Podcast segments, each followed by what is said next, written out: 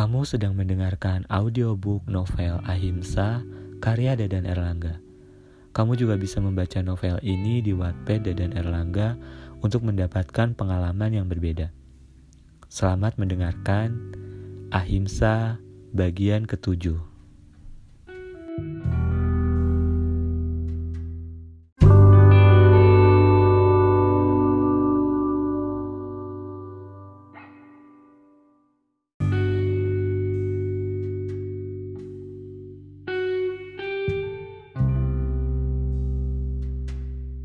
Claudia terbangun karena kebelet pipis. Jarum jam di dinding kamarnya menunjukkan waktu pukul 8 pagi. Satu jam lebih awal dari alarm yang diset Claudia tadi malam. Jumat ini sampai beberapa hari ke depan, dia dan tim masih harus promosi ke stasiun radio, kanal YouTube, dan sinema visit ke beberapa bioskop di Jakarta. Sebelum film Cinta Akhir Pekan, dia tidak banyak melakukan promosi ke berbagai media ataupun kunjungan ke bioskop yang sedang menayangkan filmnya. Memang lebih santai, tetapi film-film tersebut tidak bertahan lama di bioskop. Selain itu juga, memang karena menurut Ahimsa, film-film yang pernah dibintangi Claudia sebelumnya termasuk film busuk. Gue paham, cuan emang penting, tapi yang lebih penting lagi adalah eksistensi lo di panggung perfilman ini. Coba lo pikir, gimana caranya lo bisa terus dapet cuan kalau lapak lo mulai terancam. Claudia terus memikirkan kata-kata ahimsa. Ya, dia sadar dia mulai harus bisa membranding diri sebagai aktris yang tidak asal mengambil tawaran film. Bakat akting dan kerja kerasnya mungkin akan mudah dilupakan jika Claudia hanya terpaku pada materi dia harus lebih selektif dan punya strategi dalam memilih film agar eksistensinya tetap bertahan.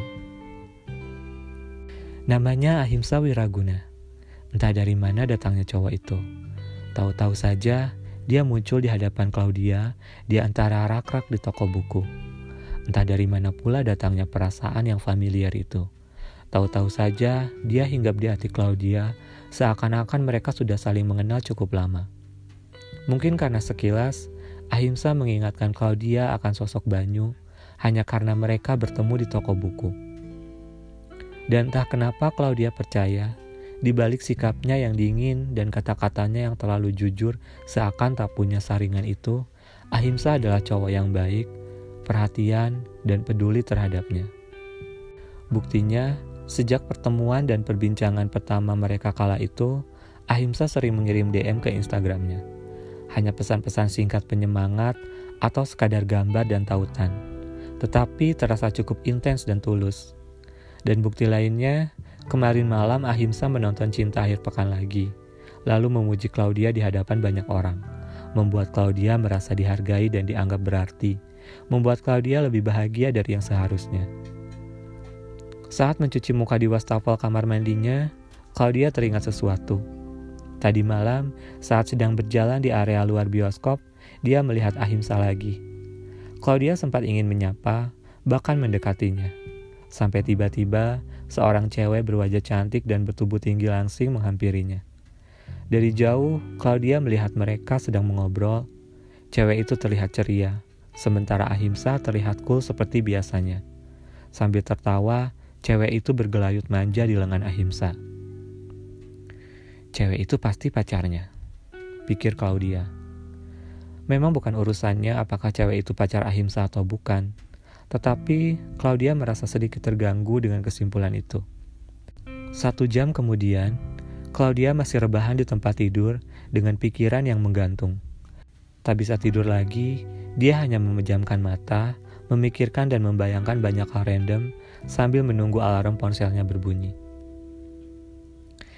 Tet, tet, tet, tet, tet. Bersusulan dengan bunyi itu, pintu kamarnya diketuk dari luar. Ibunya memberitahu ada paket untuknya. Paket itu sudah menyambutnya di meja ruang tengah. Claudia berjalan lalu meraihnya. Sebuah buket mawar berwarna pink dan broken white yang indah, serta kartu ucapan selamat yang mengeluarkan aroma wangi. Di kartu itu tertulis, Dear Claudia, Congratulations on the release of your film. So proud of you. Love, Banyu.